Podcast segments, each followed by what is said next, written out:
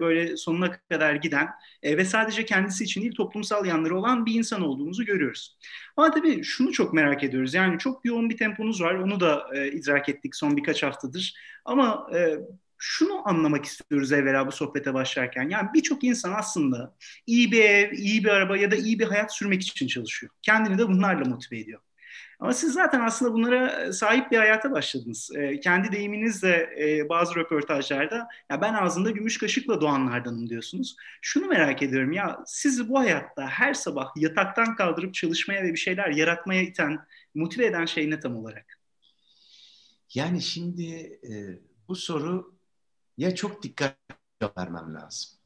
Şöyle, bak şimdi Doğa, sizin platform 18 yaş altına hizmet etmek üzere kurulmuş bir platform. Değil mi? Yanlış bilmiyorum. Doğru, doğru. Benim de bu yaşlarda iki tane evladım var. Biri 18 yaşına girecek Mart'ın 27'sinde. Büyük de 20 yaşında. Dolayısıyla bu alan içinde yani. Şimdi tabii ben şu anda her ne kadar kendimi öyle hissetmesem de 52 yaşında bir adamım. Şimdi dolayısıyla benim sana şimdi söyleyeceğim, gençlerle paylaşacağım, seni ne motive ediyor dinlerken lütfen 52 yaşında bir adamı ne motive ediyor diye dinlemeye çalışın. Yani eğer biz bu diyaloğu iyi yaparsak ben de bunu başarmış olurum. Yani size doğru mesajı vermenin yöntemi 52 yaşında bir adam. Niye bunu bu kadar hassasiyetle duruyorum? Çünkü ben şunu görüyorum Doğa. Ben çocuklarımla komünike ederken, onlarla konuşurken, kendi dertlerimi onlara anlatırken, onların dertlerini dinlerken bazen şu hatayı yapıyorum. Ben bugünkü Ali'nin kafasıyla onlara tavsiyelerde bulunuyorum. Onlar ise 18-20 yaşında çocukların kafası ve kulaklarıyla dinliyorlar. Dolayısıyla her zaman bu iki konu örtüşmüyor. Şimdi oradan gel, gelirsem e, bir kere mesela Ali'yi ne motive ediyor? Doğayı ne motive ediyor? Burada bir sürü Ali var. Burada bir sürü doğa var. Ne demek bu? Yani ben şizofren, şizofren bir insan mıyım? Hayır, onu deme, demiyorum. Ama 52 yaşına gelene kadar 10 yaşında bir Ali vardı, 20 yaşında bir Ali, 30 yaşında, 40 yaşında, 50 yaşında bir Ali vardı. Benim anlatacağım motivasyon kaynaklarım şu anda 18-20 yaşında hatta daha genç yaşta olan gençler için kulağa sade bir küpe olsun. Kesinlikle bu reçete yani 52 yaşındaki Ali'nin reçetesi size uymayabilir. Uymaması da çok doğaldır. Çünkü Ali de uyanıp da böyle olmadı. Tamam mı? Şimdi onun için niye bu kadar lafı masayı kurarken uzatıyorum? Çünkü benim diyeceğim bazı şeyler hadi ya Ali. Hadi ya Ali abi. Maalesef birçoğunuza hadi ya Ali amca. Sen öyle diyorsun ama hayat hakikaten böyle mi? Diye değerlendiriyor olabilirsiniz. Dur şuradan alt tukumu da kapatmayı becereyim. İkide bir mesaj gelmesin. Şimdi e, ben şöyle süreçlerden geçtim. Hep bir ev, araba konusu var ya.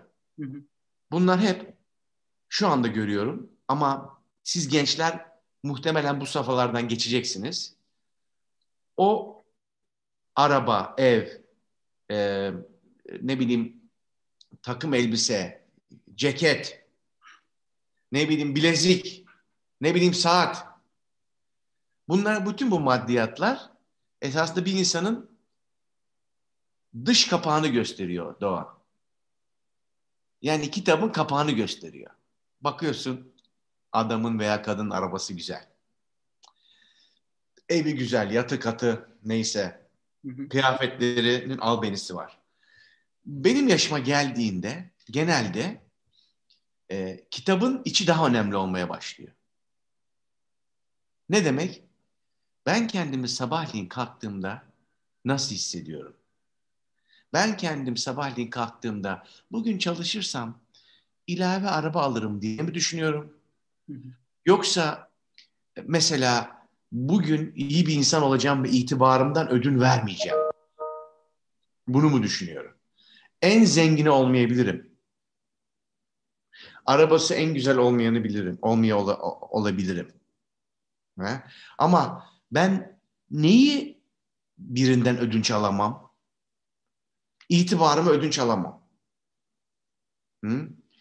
Ben neyi alamam? İyi bir insan olmayı alamam. Yani şimdi şöyle bir laf edeceğim biraz ne olur küstah gibi düşünmeyin. 52 yaşında bir adam gibi düşünün. Ben artık sahip olmayı değil, iyi olmayı deniyorum. Anlatabiliyor muyum? Zaten diyorum onlar gelir eğer iyi olursam. Ben her sabah kalktığımda iyi olmak istiyorum. Şimdi geçen de bundan takriben bir hafta evvel iki tane tecrübe yaşadım bununla ilgili. Hemen hemen benim yaşlarımda iki iş insanının yaklaşımını tecrübe ettim. Bir tanesi yatırım yaptığımız, daha yeni yatırım yaptığımız bir girişimciydi. Hiç ismi önemli değil. Çünkü o reklama girer. Bana teşekkür etti ona yatırım yaptığımız için. Ben de ona dedim ki biz gördüğümüz kadarıyla siz iyi bir insansınız. Biz de iyi olmaya çalışıyoruz. Yaptığınız işler ülkeye faydalı. Onun için size yatırım yaptık. Teşekkür etmeyin dedim. He? Bana ne dese beğenirsin. Ya Ali Bey dedi. Ben dedi her sabah bugün nasıl iyi bir insan olacağım diye düşünüyorum dedi. E şimdi başka ne isteyeyim Doğa ben ya? İnan bana. E, sen diyebilirsin ki ya da dinleyiciler diyebilir ki ya Ali abi, Ali amca maalesef. Tabii bu kadar paran olunca veyahut da işte bu kadar işlerin olunca tabii böyle dersin. Oraya gelene kadar birazdan anlatacağım yaşanmışlar ne olabilir. Ama dedim ya iki tane tecrübe edindim en son iş insanlarıyla. İkinci iş insanının bir 10 dakika YouTube filmini izledim, videosunu izledim. 12 dakika. Onun da ismi lazım değil. Üç defa işinin ne kadar büyük olduğunu rakamlarla ifade etti. tamam mı? Bunu da kınamıyorum. Demek ki o belki de 65 yaşında gelecek rakamların daha az önemli olduğu. Belki de ben öğreneceğim erken gelmişim oraya. Belki bana bir diyecek ki bir dakika baba para da kazanmak. Gayet de para kazanmak da önemli. He? Ama tabii bunları tekrar diyorum. Hem bir artı örnek verdim hem bir eksi örnek. Kendime göre bugün durduğum yerde kimse kötü iyi demiyorum bak bana göre. Ama ne motive ediyor?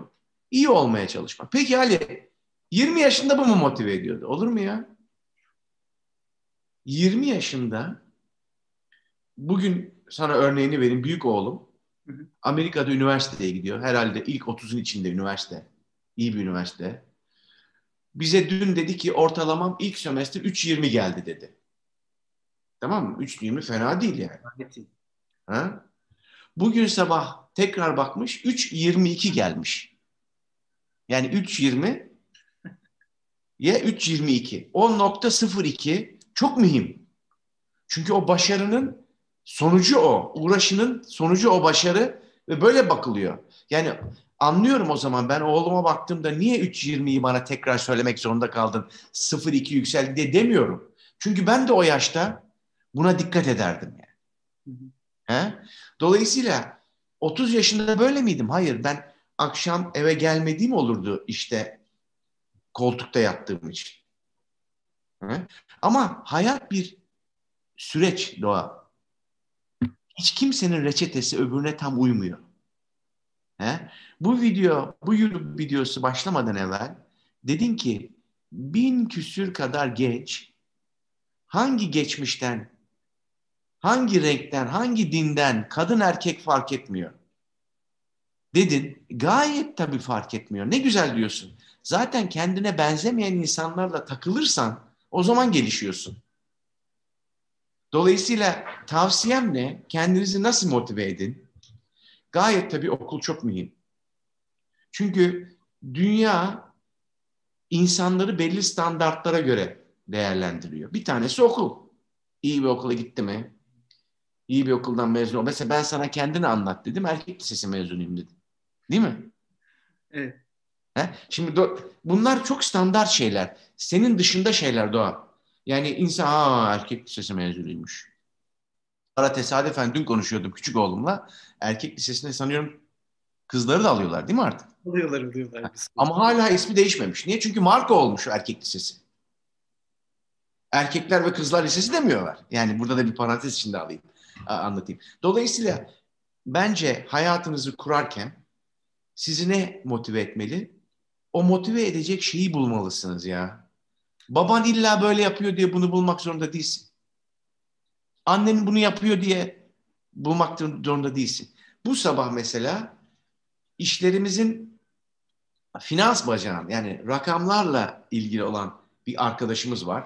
Yani adam bizi omuzlarında taşıyor yani. Bu kadar söyleyeyim. O ve ekibi. Konuşuyoruz sabahleyin mesela. Diyor ki bizim çocuk matematikte o kadar iyi değil diyor. Tamam mı? Yaşça onun çocuğu bizim küçük oğlandan 8 yaş, 7 yaş daha küçük. Onun oğlu. Dolayısıyla ben daha tecrübeli babayım. Ya diyorum baba, kardeşim çocuğun belki başka bir hevesi, heyecanı vardır yani. Ha? Dolayısıyla herkes kendi motivasyonunu bulacak. Ama kesinlikle hayatımın bu döneminde ilave bir araba alayım. Yani ilave bir şunu alayım. Ama şuna bakıyorum Doğa. Bana haftalık mesela istihdam raporu geliyor. Ailemin yani esas holding ailesi istihdam raporu geliyor. Orada bu hafta yükselmiş miyiz? Azalmış mıyız? Bu beni enterese ediyor. Çünkü yükselince bana sadece vicdani bir sorumluluğumu yerine getiriyorum demiyor bu. Aynı zamanda diyor ki demek işlerin iyi yönde gidiyor. Bu sıkıntılı Covid döneminde bile. Dolayısıyla ne olur benim reçetemi biraz lafı uzattım bak bana böyle bir soru sorarsın iki saat konuşurum. E, benim motivasyonlarım artık maddiyat değil. Belki de diyeceksin ki maddiyatı çözdüğün için. Ama belki de bir yerden sonra bunun sonu yok diye düşünüyorsun. Sen düşünebiliyor musun? Mesela Elon Musk, Tesla Elon Musk sabah akşam yatıyor, sabah kalkıyor 14 milyar dolar fakirleşmiş. Lan 14 milyar dolar dediğim Türkiye'nin gayri safi milli hasılasının yüzde üçü, yüzde ikisi. 83 milyon insan 365 gün çalışıyor. Ha, 50'de biri yani yüzde iki demek. Dolayısıyla sen düşünemiyor musun adam nasıl yatıp kalkıyor? Bence adamcağız hadi ya 14 milyar eksildik diye yatıp kalkmıyor. O bir şey ifade etmiyor. O diyor ki ben Mars'a gideceğim mi gitmeyeceğim mi baba diyor ya. Ha? Bu arada adam evlerini satıyor bilmiyorum takip ediyor musun? Adam Pardon. Da zaten yok esnaf ben sözünüzü kestim. Yani Amerikan borsasıyla da derdi biliyorsunuz var şu son dönemde olanlar. E, çünkü zamanında ona dayatılan doğruları e, dikte eden kurumlardan adam aslında onun öyle olmadığını anlatmak istiyor ve bunun için para kaybetmeye de hazır. Ve ama şunu söyleyeyim ben bugün her ne kadar 52 yaşındaki e, çok e, çaktırmasa da diyeyim e, Ali Sabancı'yla e, sohbet etsem de şunu görüyorum Ali Bey yani e, hakikaten sadece 52 yaşındaki insanlarda veya yaşın bekleyenlerde değil. Yani ben her gün yüzlerce e, gençle kendisinden daha ihtiyacı olan insanla omuz omuza çalıştığım için bunu görebiliyorum. Gerçekten insanların artık e, sahip olmak değil, sahip çıkmaya e, bir arzusu olduğunu görüyorum. Yani iyi olmak, iyi kalabilmek, e, şu size dayatılan dünyada var olabilmek ve bunu da anlamlı bir şekilde kılabilmek çok e, bana özel geliyor. Belki de yaşadığımız bu bütün olumsuzlukların yanında böyle güzel şeyleri de oldu bu sürecin. Şimdi şöyle düşün. Bu Covid olayı umursuyor mu? Çinli misin, İtalyan mısın? Umursuyor mu? Siyah mısın, beyaz mısın? Şişman mısın, zayıf mısın? Fakir misin, zengin misin? Fenerli misin, Galatasaraylı mısın? Ben Fenerli değilim. Öyle diyeyim. Demek ki esasında bu Covid bize insanların esasında yaşarken ne kadar eşit olduğunu gösteriyor. He? Kolundaki saatin kaç para olduğundan bağımsız. Anlatabiliyor muyum? Ya da arabasından bağımsız. Ve gösteriyor ki insanlara Türkçe tabiriyle mütevazileştiriyor insanları. He? Yani bunu İngilizce tabiriyle humble diyorlar. Humility. Yani insanlara Türkiye'de zaman zaman bir meziyet olan, öyle sanılan mütevaziliği aşılıyor. He? Demek ki buradan da bize birisi bir şeyler öğretiyor. He? Bunu iyi almak lazım. O zaman ne yapmak gerekiyor? Ben nasıl faydalı olabilirim ya? Yani bana ne cümlesini bana ne de bitirebilirsin. Veyahut da diyebilirsin ki bana ne düşer? Yani e, her zaman doğru muyum, iyi miyim, mükemmel miyim? Haşa ya. Ama niyetim o doğruldu da doğru. Nasıl katkıda bulunabilirim? Nasıl faydalı olabilirim? Moralim bozulmuyor mu? Vallahi çok moralim bozuldu oluyor. Zaman zaman ülkeme bulunduğu duruma kızıyor muyum? Kızdığım da oluyor. Peki benim var eden hangi ülke? Bu arada. E bu ülke. O zaman dengeleniyorum. Düşün, düşüncelerim peki ben bu, bu çorbaya nasıl tuz koyacağım biraz daha diyorum ya. Böyle düşünmekte fayda var. Çünkü eğer olumsuz düşünmek istiyorsan hele hele gençleri düşün. Sizleri yani. Ülkede resmi rakamlara göre her dört gençten biri işsiz. Doğru. Ha? Yani yarısı. Yüzde elliye varıyor neredeyse. Yani canım şimdi ben resmi rakamlar bir bir rakamla gitmen gerekiyor. Yüzde yirmi beşi e şimdi öyle bir ortamda öbür yüzde yetmiş beşinin mutlu olma ihtimali var mı? Yok ya vallahi yok ya. Ha? Yani eğer mutlu olabiliyorsan zaten kendi vakumunda yaşıyorsun. Sadece sen kendine benzeyen insanlarla yaşıyorsun. Ha? Şimdi restoranlar açık değil. Ama açık olduğunda ben küçük oğlumdan şunu duydum zaman mutlu oluyorum. Yok baba şu restorana gittik çünkü onu ancak üstlenebiliyorduk grup olarak. İyi bir şey bu. He? Her defasında bu mu? Hayır o da çocuk ya. Anlatabiliyor muyum? Ama peki bu ülke ister mi resmi rakamlara göre dörtte bir gencinin işsiz olmasın? İstemez ya. Onların içinde kendi çocukları da var. Kendi çocukların yeğenleri var, kuzenleri var. He?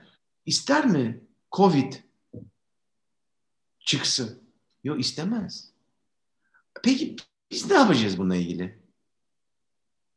Biz nasıl gençlere tutarlı ve duyarlı moral vereceğiz? Yani dibi dolu moral. Ha? Yoksa sabah kadar anlatırım yani. Biraz evvel dedim ya ben Galatasaraylıyım. Galatasaray en son 2000 yılında UEFA kupasını almış. Hala orada kalırsam portakal orada kal. Ben bugün ne yapacağım? Benim moral vermem lazım. İnsanlara e, destek olmam lazım. Yani ben derken içinde bulunduğum müessese, benim ailem, benim çocuklarım da içinde bulunduğu aile. Böyle düşünmem lazım. Yoksa hemen bizimki yüzde yirmi beş işsiz. Bak, bak görüyor musun ne kadar kötü. Ya, evet iyi değil. Hı hı. Ama bu rakam Yunanistan'da daha yüksek.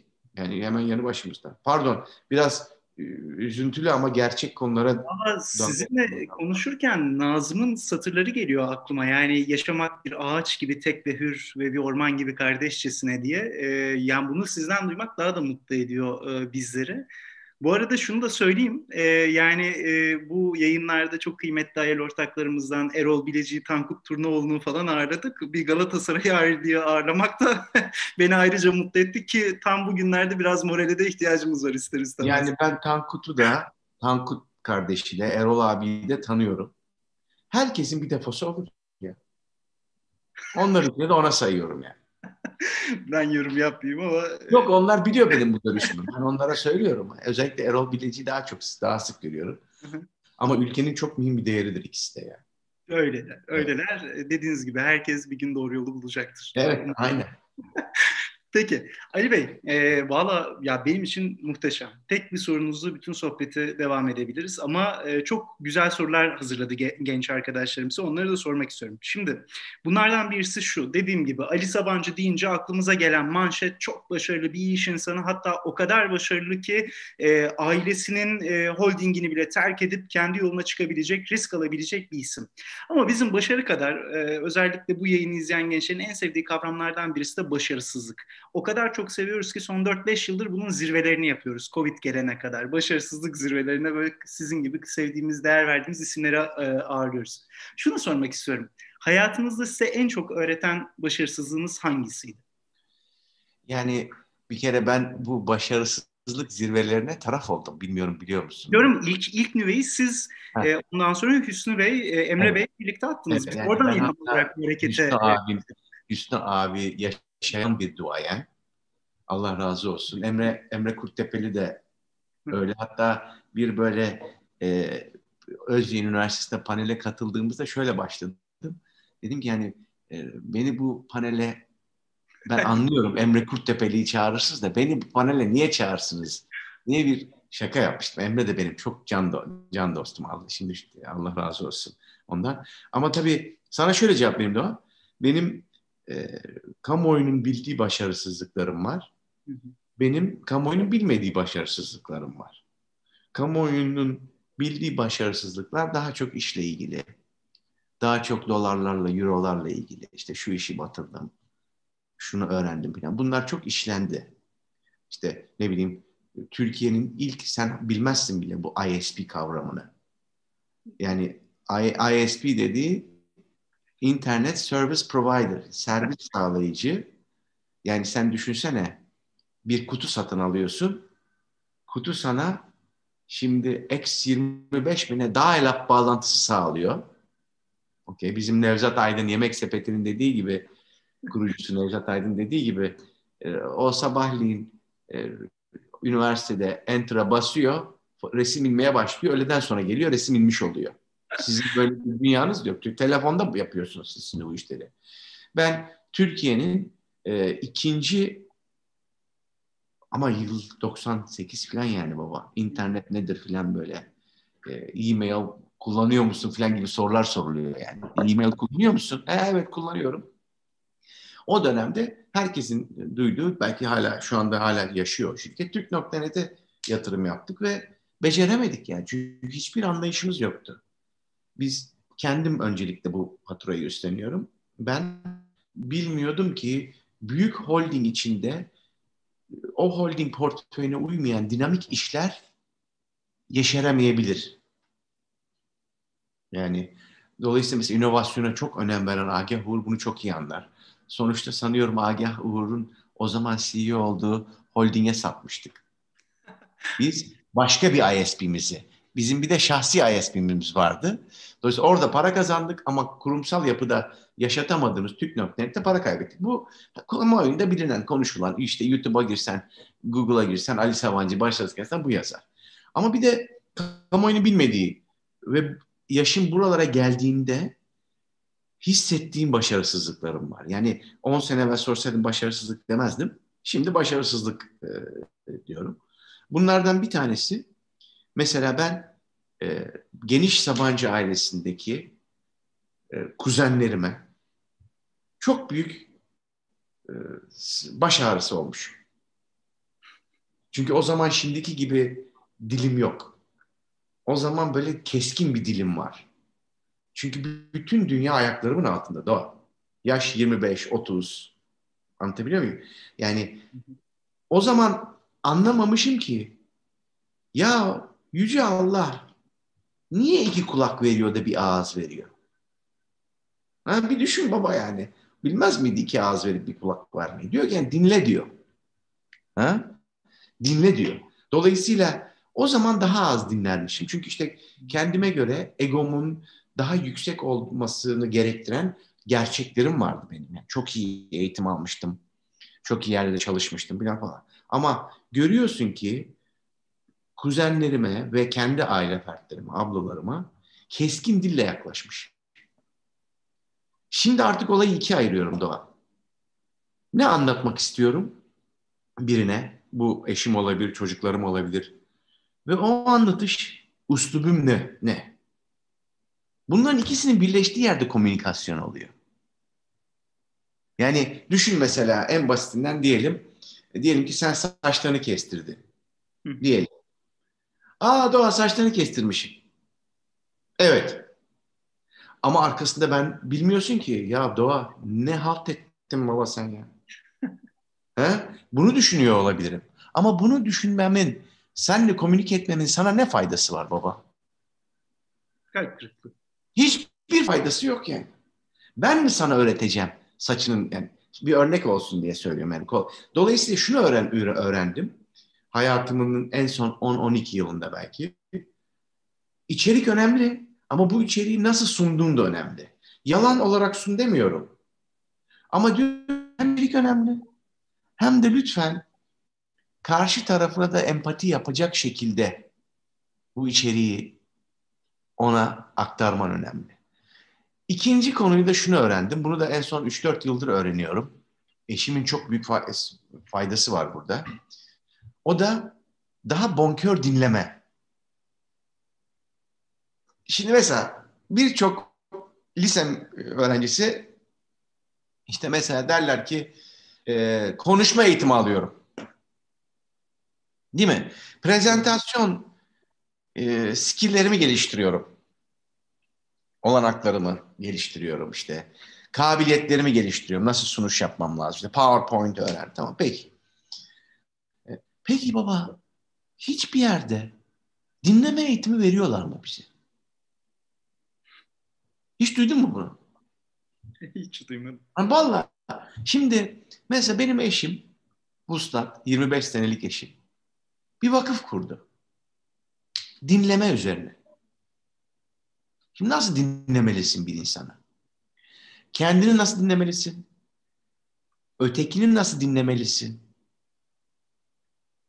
Ve doğayı nasıl dinlemelisin? Bu üç perspektifte. Şimdi ben sana soruyorum. Biraz evvel işte şakayla karışık ben Fenerli değilim, Galatasaraylıyım falan falan.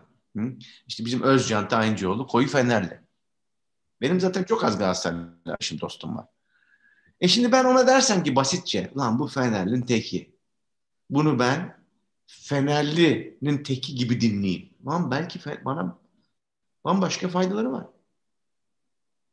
Yani ötekiyi ötekileştirmeden dinlemek. İzah edebiliyor muyum? Yani bu zaten şimdi mesela çok yıllar bunun şeyi oldu. Allah'a çok şükür artık bu e, konu gündemimizde yok ülkenin. Mesela başı açık mı kapalı mı? Ben bilmiyorum onun başı içi açık mı kapalı mı bilmiyorum bir daha konuşmadı. He belki başı kapalıdır fiziksel olarak. Ama içi nasıl? Ben bilmiyorum ki. O zaman ben kendime benzemeyen insanları nasıl anlayacağım? Onlarla nasıl diyalog içine geçeceğim? Kategorize mi edeceğim? Bu bana benzemiyor. Ki bu arada e, çok enteresan çalışmalar yapılıyor senelerdir özellikle batıdaki üniversitelerde. Bir hoca eğer kiloluysa başka bir hoca kilosu, kilolu değilse aynı dersi veriyorlar. Hangisi daha fazla dinleniyor?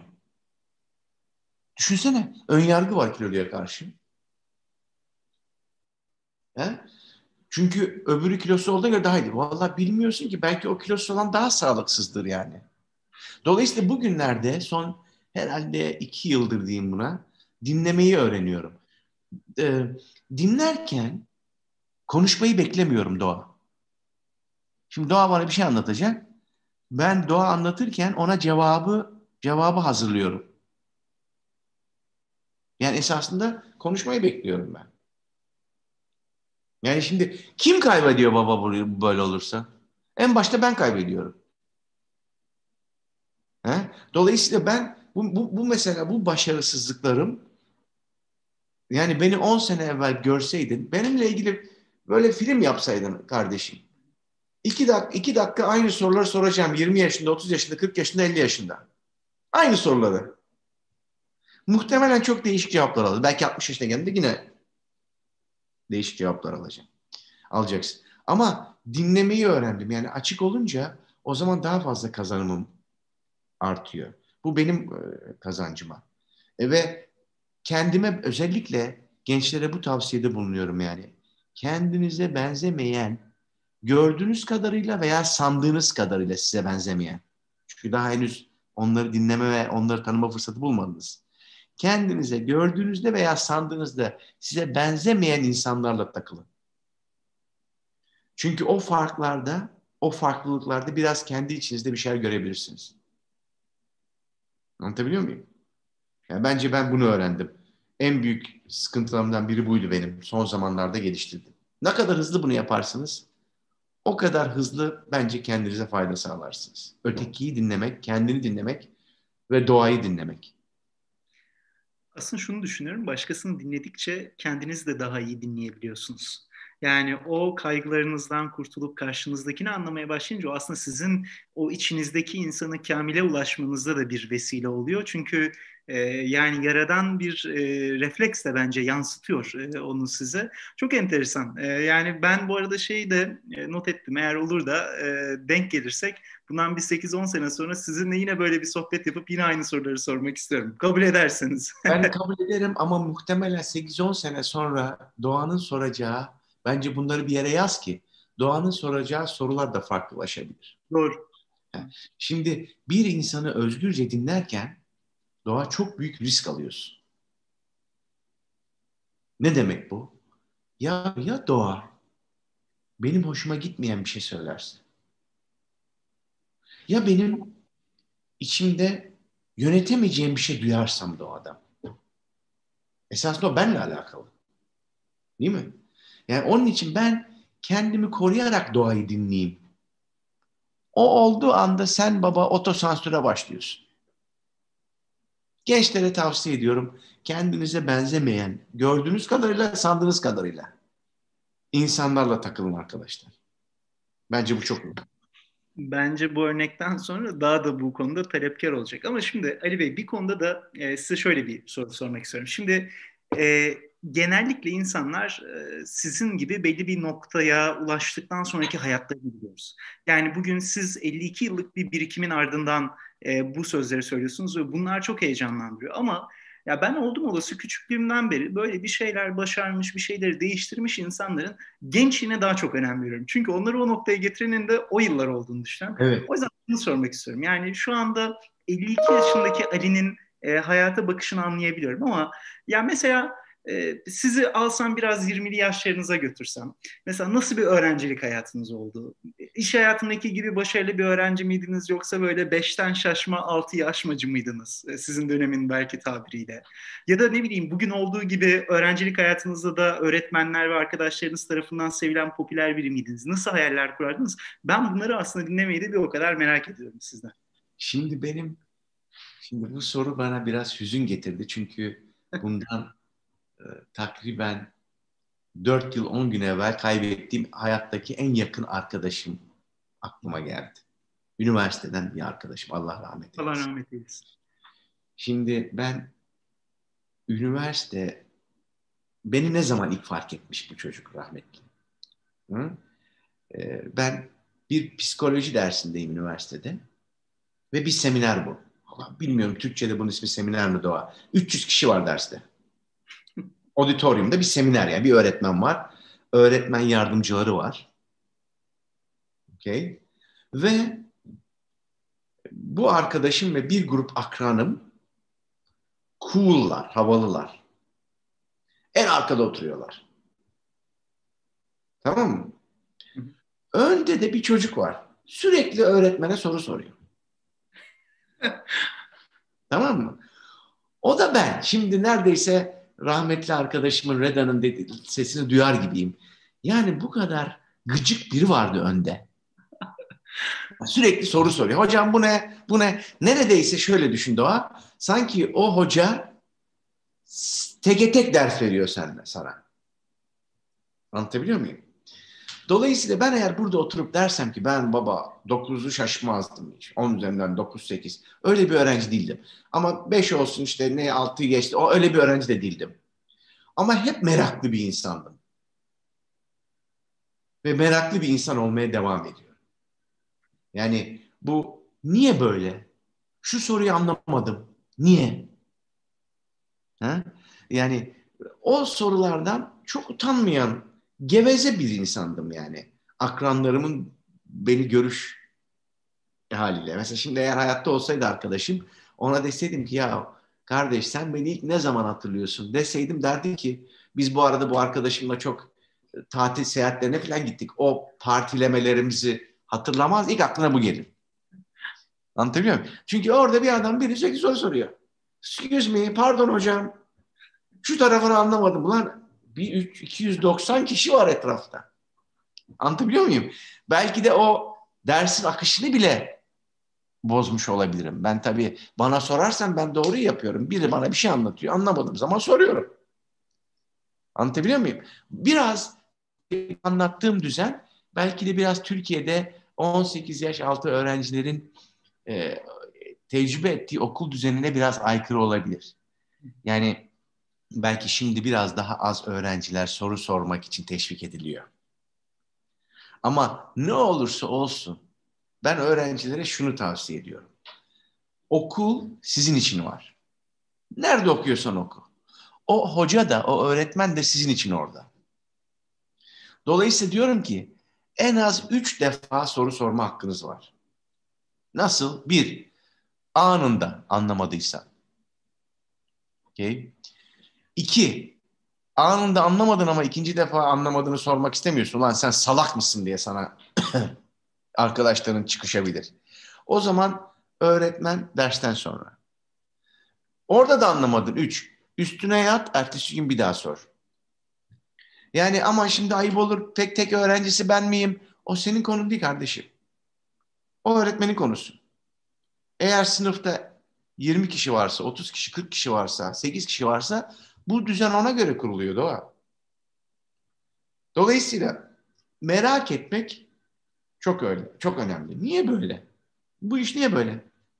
Ben iş hayatında da bunun çok faydasını e, gördüm.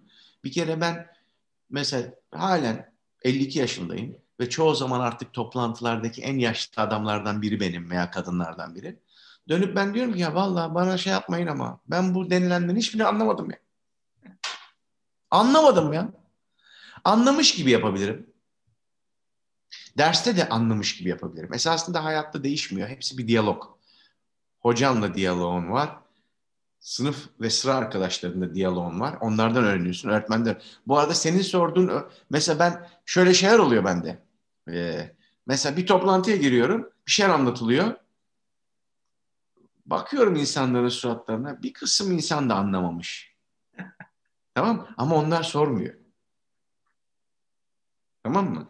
Ya önemsemiyor ya da o cesaretleri yok. Ben diyorum ki ben bunu anlamadım ya. Şimdi anlatılıyor ikinci defa. İkinci defa anlatıldığında insanların suratlarındaki ifadenin değiştiğini görüyorum. Anlatabiliyor muyum? Yani ne olur gençlere diyorum ki cesur olun. Soru sorun. Talepkar olun. Merak edin ya. Ayıp olur. Öğretmenin vaktini al. Ya bak senin sorduğun sorudan sen bu soruyu soruyorsan eminim sınıfta en az birkaç kişi daha var. İş toplantılarında da en az birkaç kişi daha var. Hatta böyle serzenişte bulundum oluyor. İnsanları e, kızdırdım oluyor. Diyorum ki ya bak ben şimdi sordum. Bak en az yer bu işi ben, ben sana söyleyeyim. Sonra beni biliyorlar artık. Ve sonra diyorlar ki evet vallahi biz de anlamamıştık. Sorun yok ki. Ha? Anlatılan her şeyi anlasan bu mümkün değil yani. Bah, sizi çok iyi anlıyorum. Hatta bu vesileyle e, ben de kendi, tabii bir iki yıl oldu ben üniversiteden mezun olalı ama kendi üniversite arkadaşlarımdan da bir özür dileyeyim bari. E, çünkü benim de içimde olanlardan ben de o ön sırayı belleyenlerdendim. E, ama belki de böyle yani böyle birbirimizi besledik. E, o yüzden ama geç de olsa bir özür dilemiş olayım. Şimdi ben master yaparken bak bir örnek daha hatırladım şimdi. Amerika'da master yaparken finans üzerine master yapıyordum. O zaman okuduğum okul 6 numaraydı. Yani çok iyi böyle havalıyım biliyor musun? Yani çok 150 kişi alıyor falan yılda. O kadar yani. Bir öğretmenim vardı. Hayatta mı bilmiyorum ama çok önemli bir ekonomik teori bulmuş bir öğretmendi. Ee, ve haftada bir ders vardı Doğa. Hı hı. Cuma günleri. Ders 6 saat sürerdi. 6 saat. Ve saatine baktığında 3 saat geçmiş olurdu. O kadar insan böyle kaptırırdı kendini. Tamam mı? Bir gün bana öğretmen dedi ki bu adam bu herhalde Allah uzun ömür hayattaysa bu Wall Street'te çalışan bir adam. İşte 13. sene haftada bir 6 saat ders veriyor, geliyor, vakit ayırıyor. Dedi ki ya bizim dedi senle dedi en büyük emelimiz şu olmalı dedi. Senin dedi enerjini dedi verimli kaynak, kaynak kanallara aktarabilmek dedi. Bak diyor ki yani iyi diyor, enerjin iyi. Demek ki belki de nezaketen diyor ki ulan sorduğun dört sorunun üçü boş diyor yani. Ama ben o dördüncü doluyu nasıl soracağım eğer dördünü birden sormazsam? Anlatabiliyor muyum? Hı hı. Şimdi, oğlum gevezesin dedi belki bana adam orada. Ama ben onu öyle almadım. Adam çok mesela benim şimdi yeğenlerim var. Benimle birlikte çalışan. Kendime baktığım zaman onlara baktığım zaman kendimi görüyorum. Enerji dolu.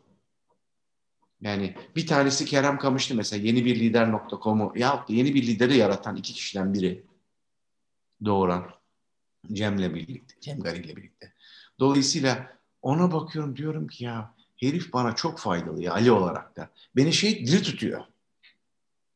Sorduğu sorularla ve merakıyla. Peki bu nasıl? Ben geçen de şöyle okumuştum. Anlat bakayım. Eyvah. Anlatabiliyor muyum? Dolayısıyla enerjimizi de doğru kanalize etmeyi bir şekilde öğreneceğiz. Ben yeni yeni öğreniyorum yani. Belki 30'lu yaşlarının sonunda öğrendim. Peki şunu o zaman sorayım. Hazır e, Kerem'den bahsettiniz. Şimdi siz e, 2004 yılında Sabancı Holding'den ayrılma kararınızı 7 dakika içerisinde verdiğinizi belirtiyorsunuz bazı röportajlarda.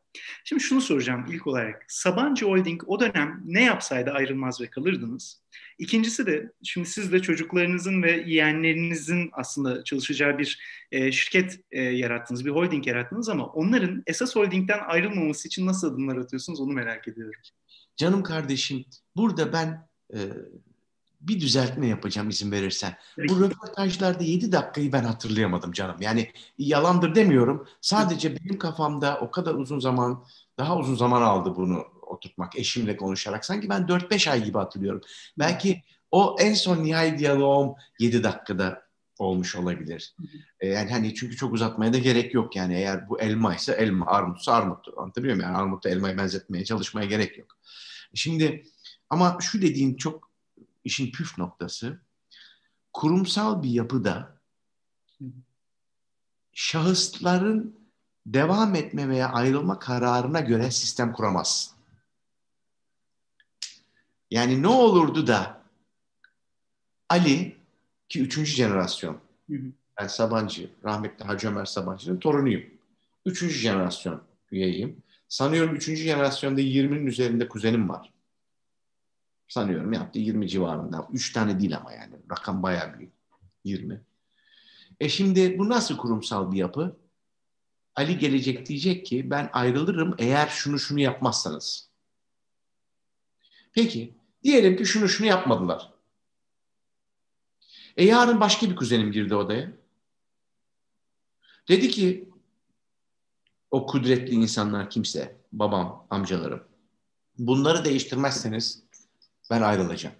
Yani bir kurumu şahıslar e, mahkum edemezler kendilerini. Ben ne yaptım? ben bana bu soru soruldu. Sen gitme neyi değiştirelim burada diye soru soruldu yani. Rahmetlik Sakıp amcam 2004 yılında öldü. Rahmetine kavuştu. Hala Türkiye'de iz bırakmaya devam ediyor adamcağız. Allah rahmet eylesin. Bana bu soruyu sor. Ben dedim ki amca siz dedim izin verin ben ayrılayım. Ben ayrıldıktan sonra bunun sohbetini bir gün yapalım. Ama niye bunu dedim biliyor musun Doğa? Çünkü ben pazarlık yapmıyorum. Çünkü hakikaten iş çok yanlış yere gider. Bir kişi gelecek. Şunları değiştirin yoksa gidiyorum. E, ertesi gün başka biri gelecek. E, bu bir kurum mu? Bir, bu insanlar topluluğu mu? E tabi insansız kurum olmaz ama bir düzen olmak zorunda. He? Dolayısıyla benim rahmetlik amcam e, maalesef duyamadı benim niye ayrıldığımı. Çünkü o sonra göçtü öbür dünyaya, cennete gitti. Ama sana şöyle söyleyeyim. Benim açımdan bir kurumda, kurumun iki şeyinden ürkmemem lazım. Bence. Şu anda, şu anki kurumun lideri benim. Yönetim kurulu başkanıyım. Şu anda. İki şeyden ürkmemem lazım. Bir, kurumun beni aşmasından ürkmemem lazım. Yani bu nasıl olur? Kendimden daha iyi insanlarla çalışabilirsem. Biraz evvel ne dedim? Ee, şirketlerimizin birinde para işlerinden sorumlu, finans işlerinden sorumlu bir arkadaşım var. Biz onun omuzlarındayız dedim. Tesadüfen demiyorum ben bunu yani bizi iyi insanlar yüceltiyor yani. Hı? Bir, bundan korkmamak lazım. Yani çalıştığımız ortamlarda bizlerden daha iyi insanlardan korkmamamız lazım. Onlar bizi her kademede yüceltir. Okay? İkincisi de e, bir an için Türkçesi ağzımdan şey hafızamdan kaçtı. Merit merit based yani e, başarıya dayalı e, bir sistemden kaçınmaman lazım. Ne demek? E, adama göre iş değil, işe göre adam. Yani bu aile ferdi olur veya dışarıdan biri olur. Fark etmiyor. Hı hı. Ama doğru insanı o ihtiyaç olan yere koyman lazım. E gayet tabii aile ferdi olursa daha da mutlu olurum ama olmayabilir. Zaten zaman zaman konuşulur mutsuz kart vizitler yaratmak diye. Evet. He? Bu mutsuz kart vizit şu. Ee, kart vizitin üzerinde holding var veyahut da çalıştığın şirketin ismi var. Genelde Türkiye'de isim isimler soy isim sonunda San gelir, Tic gelir filan biliyor musun mesela? İşte X soy ismi San. Okay. Ee, o o kart vizitle senin soy ismin benziyor. Kart vizitte yazan şirket ismi. E sen de orada bir titrin var. E demek ki sen mutlu bir insansın. Değil. Ben bilmiyorum ben bunu. Sen acaba evde nasıl bir insansın? Sosyal hayatın nasıl? Acaba hakikaten sen burada çalışmak istiyor musun? Yoksa annen, baban, amcan, bacın, teyzen pardon burayı kurdu diye mi buradasın? Sorunuzun ikinci tarafına geliyorum dolayısıyla bu vesileyle. O da ben çocuklarımızın şu anda kurduğumuz ve şu an itibariyle başında ben olan holdingde çalışması için neler yapacağım? Böyle bir şeyim yok benim. Ben çocuklarımın, yeğenlerimin kendi mutluluklarını kendi tariflemeleri gerektiğini düşünüyorum. Yani illa ben bunları belki o benim çocuklarıma bu uymuyor olabilir ya da Anlatabiliyor muyum? E peki burayı kim yönetecek? Ya biri yönetir ya. Ben çocuğumun hayatını, yeğenlerimin hayatını. Sen biliyor musun benim yeğenlerim var şu anda fiilen holdingde çalışmıyorlar. Bilmiyorum. Ha, hiç sorun değil ki. Onlar benim hala can ciğer yeğenim. Çalışanlara kıyasla aynılar benim için. Can ciğer yeğenim ya. Öbürü çalışıyor diye ön plan çıkması gerekmiyor. Ha, ama iş konuları geldiğinde daha çok çalışanlara danışıyorum. Çünkü onların ilgi alanında bu var. Anlatabiliyor muyum? Çünkü öbürleri kötü diye değil. Yarın bir gün benim benim şu anda küçük oğlum üçüncü şiir kitabını yazıyor. Kaan Ali değil mi? Vallahi ben de onu öğrenince bayağı şaşırdım hoşuma gitti. Yani şimdi ben sana ne diyeyim? Yani aynı yani e peki bizim çocuk ne o şair mi olacak? Allah olabilir yani. Yeter ki mutlu olsun. Zaten başarı gelecektir şimdi. Onun tarifi, zaten başarının tarifi bu doğa. Başarının tarifi kendin için tariflediğin dengeli, o denge neyse. Mutlu bir hayat kurmak. E çalışırsa şunu yaparım. Bunlar değil ki. Bunlar benim reçetelerim. Ben bunu yaptım. Babamın reçetesi. Benim ablam var iki tane. Ablarımın bir tanesi çalışıyor. Deli gibi çalışıyor. Öbürü çalışmamayı tercih etti. Onların ikisi benim ablam değil mi? Ey. Ya Ali Bey, e, acayip lezzetli bir sohbet oluyor. E, biraz vaktimizin de bilmiyorum sizin daha vaktiniz var mı ama böyle bana en azından ayrılan süre bir 10 dakika kadar kaldığını tamam. tamam söylüyorlar ama Şöyle e, böyle üç tane daha soru hızlıca e, size tamam. gitmek istiyorum. Eğer e, cevaplamak isterseniz vallahi çok mutlu Bakalım olurum. inşallah cevaplayabilirim kardeşim. e, Ali Bey, e, diyelim ki şu anda elinizde Pegasus'u kurduğunuz imkanlarınız olsa ve yatırım yapacak başka bir iş arasanız. Bugün bu ortamda hangi alana yatırım yapmak isterdiniz? Şimdi tabii bu ortam böyle bir garip bir ortam.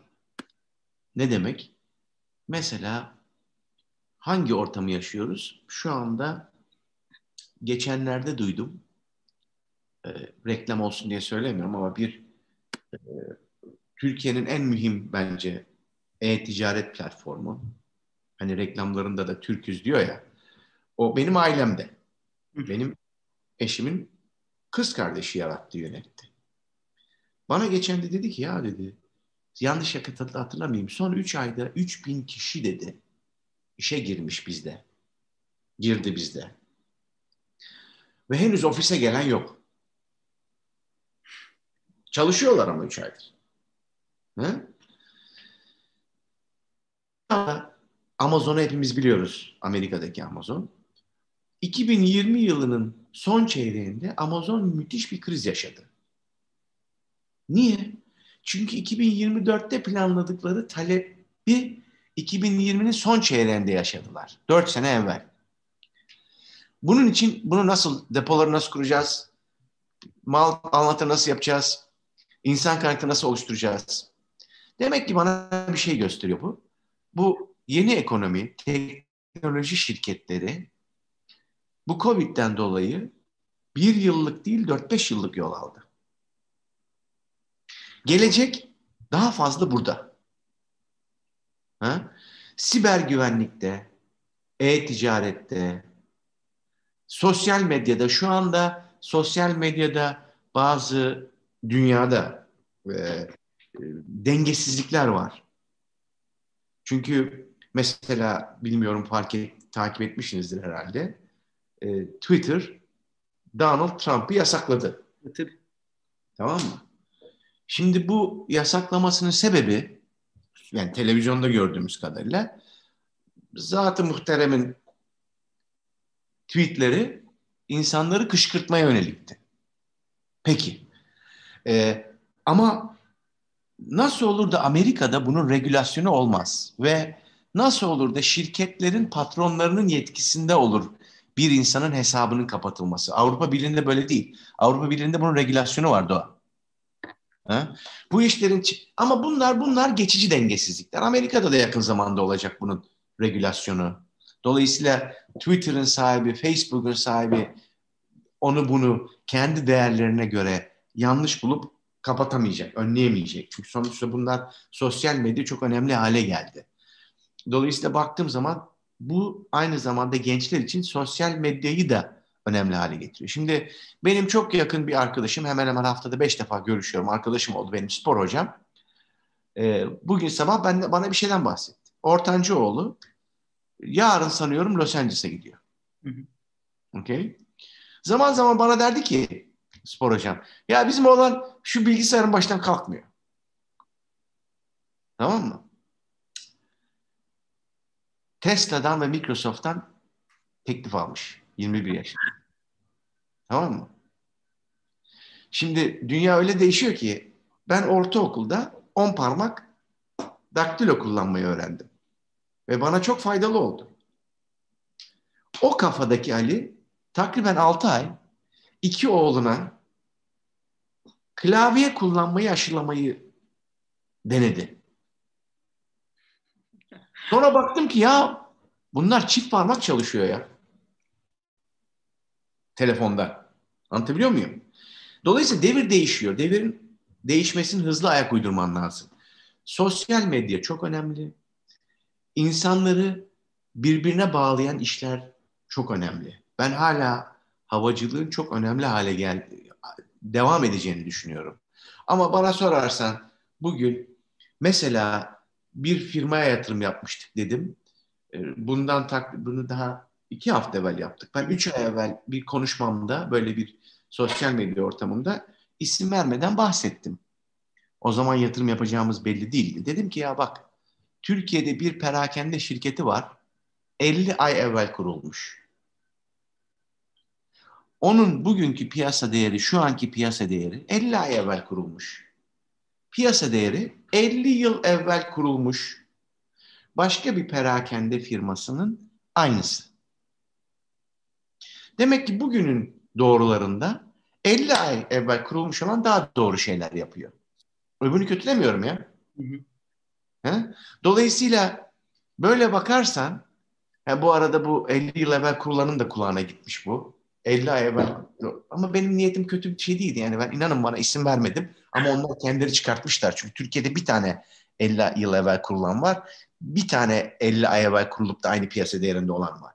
Mesela Peak Games. Bundan örnek almak lazım yani. Peak Games sanıyorum 1.8 milyar dolara satıldı. Dolar, dolar.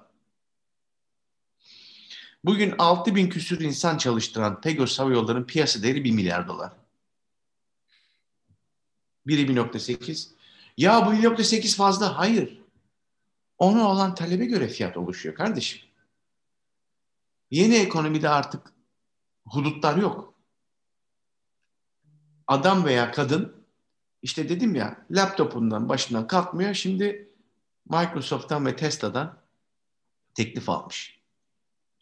Dolayısıyla ya ben yapamam. Çünkü Ali yapar tabii Ali. Ali gümüş kaşıkla doğdu. Ne gümüşü? Altın kaşıkla doğdu.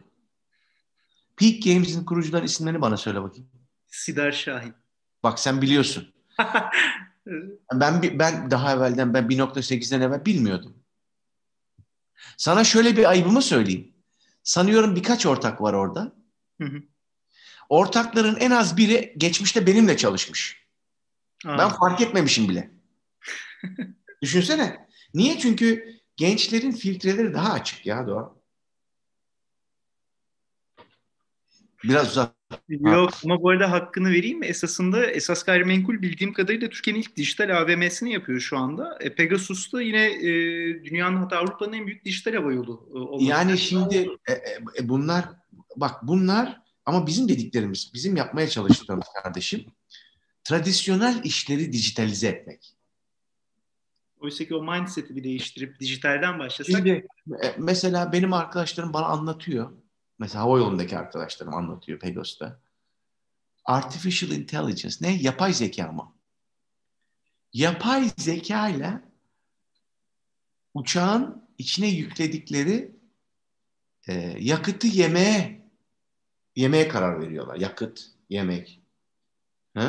Ben mesela ben vallahi baba machine learning, makine baba ben benim ben diyorum ki ben yani ben sadece dinliyorum ya.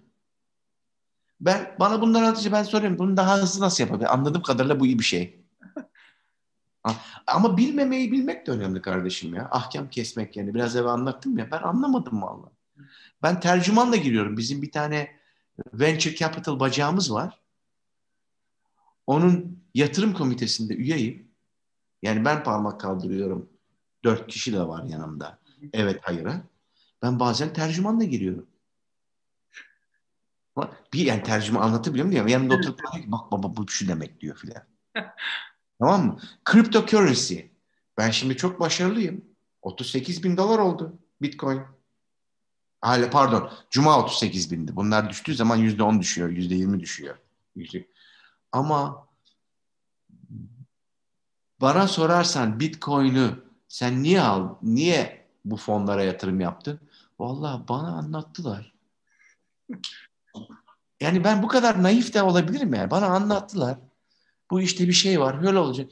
Şimdi doğru görünüyorlar.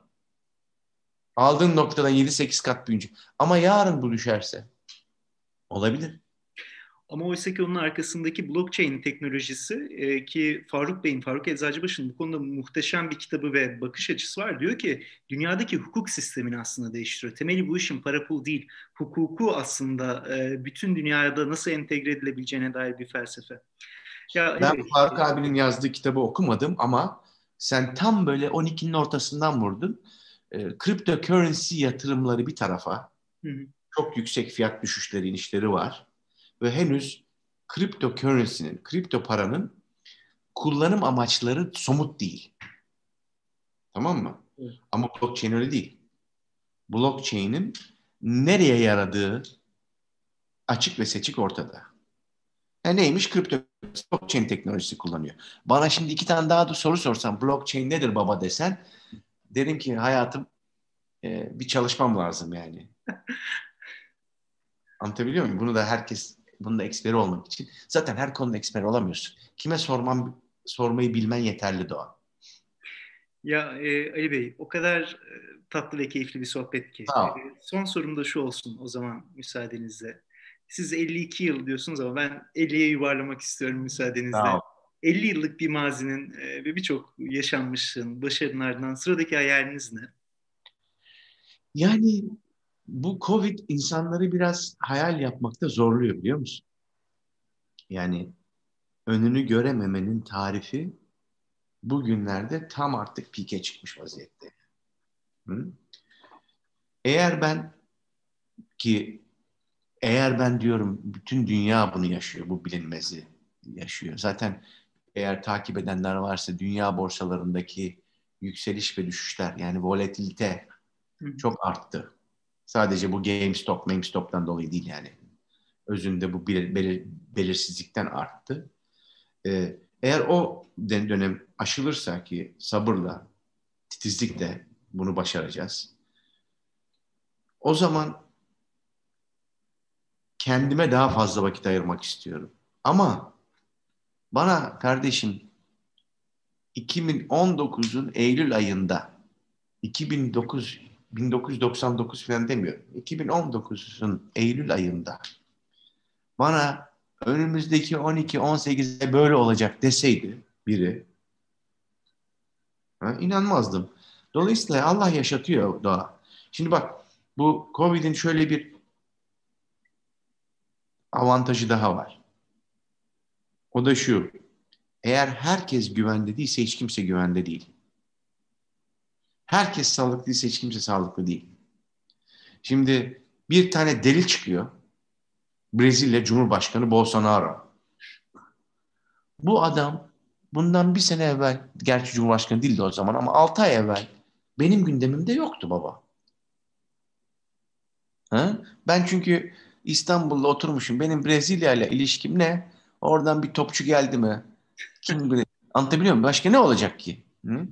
Ama artık dünya hakikaten sosyal medya veya teknolojinin getirdiği olanakların ötesinde birbiriyle bağlı. Connected. Hı? Wuhan'dan çıktı, İtalya'ya sıçradı. Çünkü İtalya'da İtalya'nın üretim üstünde Çinliler çalışıyordu. Evine gidip gelmiş adam. Memleketine gidip gelmiş. He? Dolayısıyla ne, ne diyorum?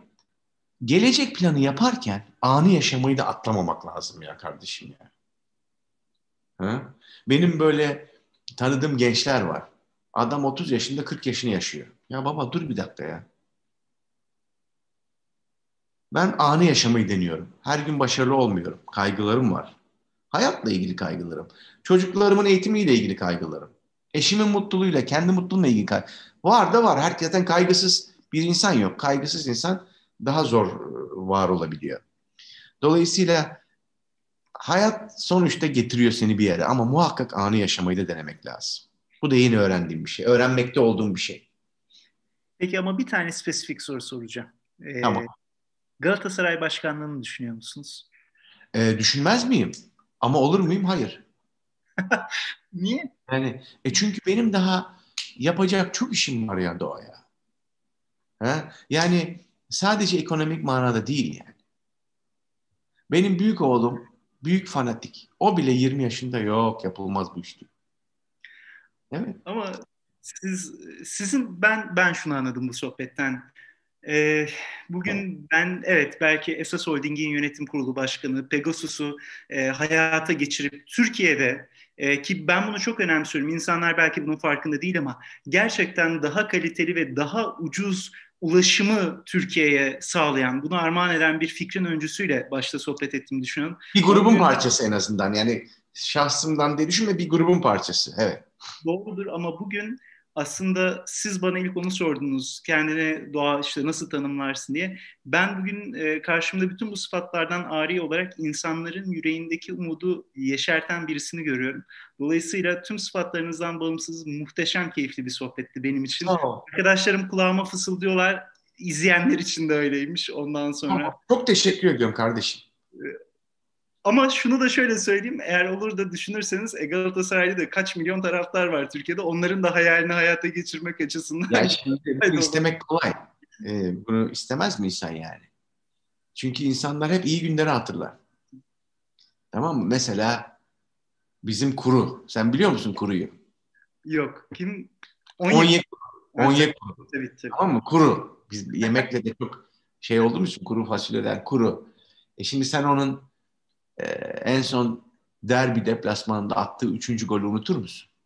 Unutmaz. Ama hayat hep öyle mi? Yani dolayısıyla bir işi yapacaksan ona hazır olman lazım. Onun sorumluluğunu dört köşe taşıman lazım. Dolayısıyla bu gibi işlere vakit var yani. O inşallah. Ee, Ali Bey çok teşekkür ederim. Ben teşekkür ederim. Bugün Tartışma sohbetlerindeki konuğumuz e, Ali Sabancı'ydı. E, hepiniz adına ayırdığı bu kıymetli vakit için Ali Bey'e çok teşekkür ederim. Herkese iyi günler dilerim. Sağ olun.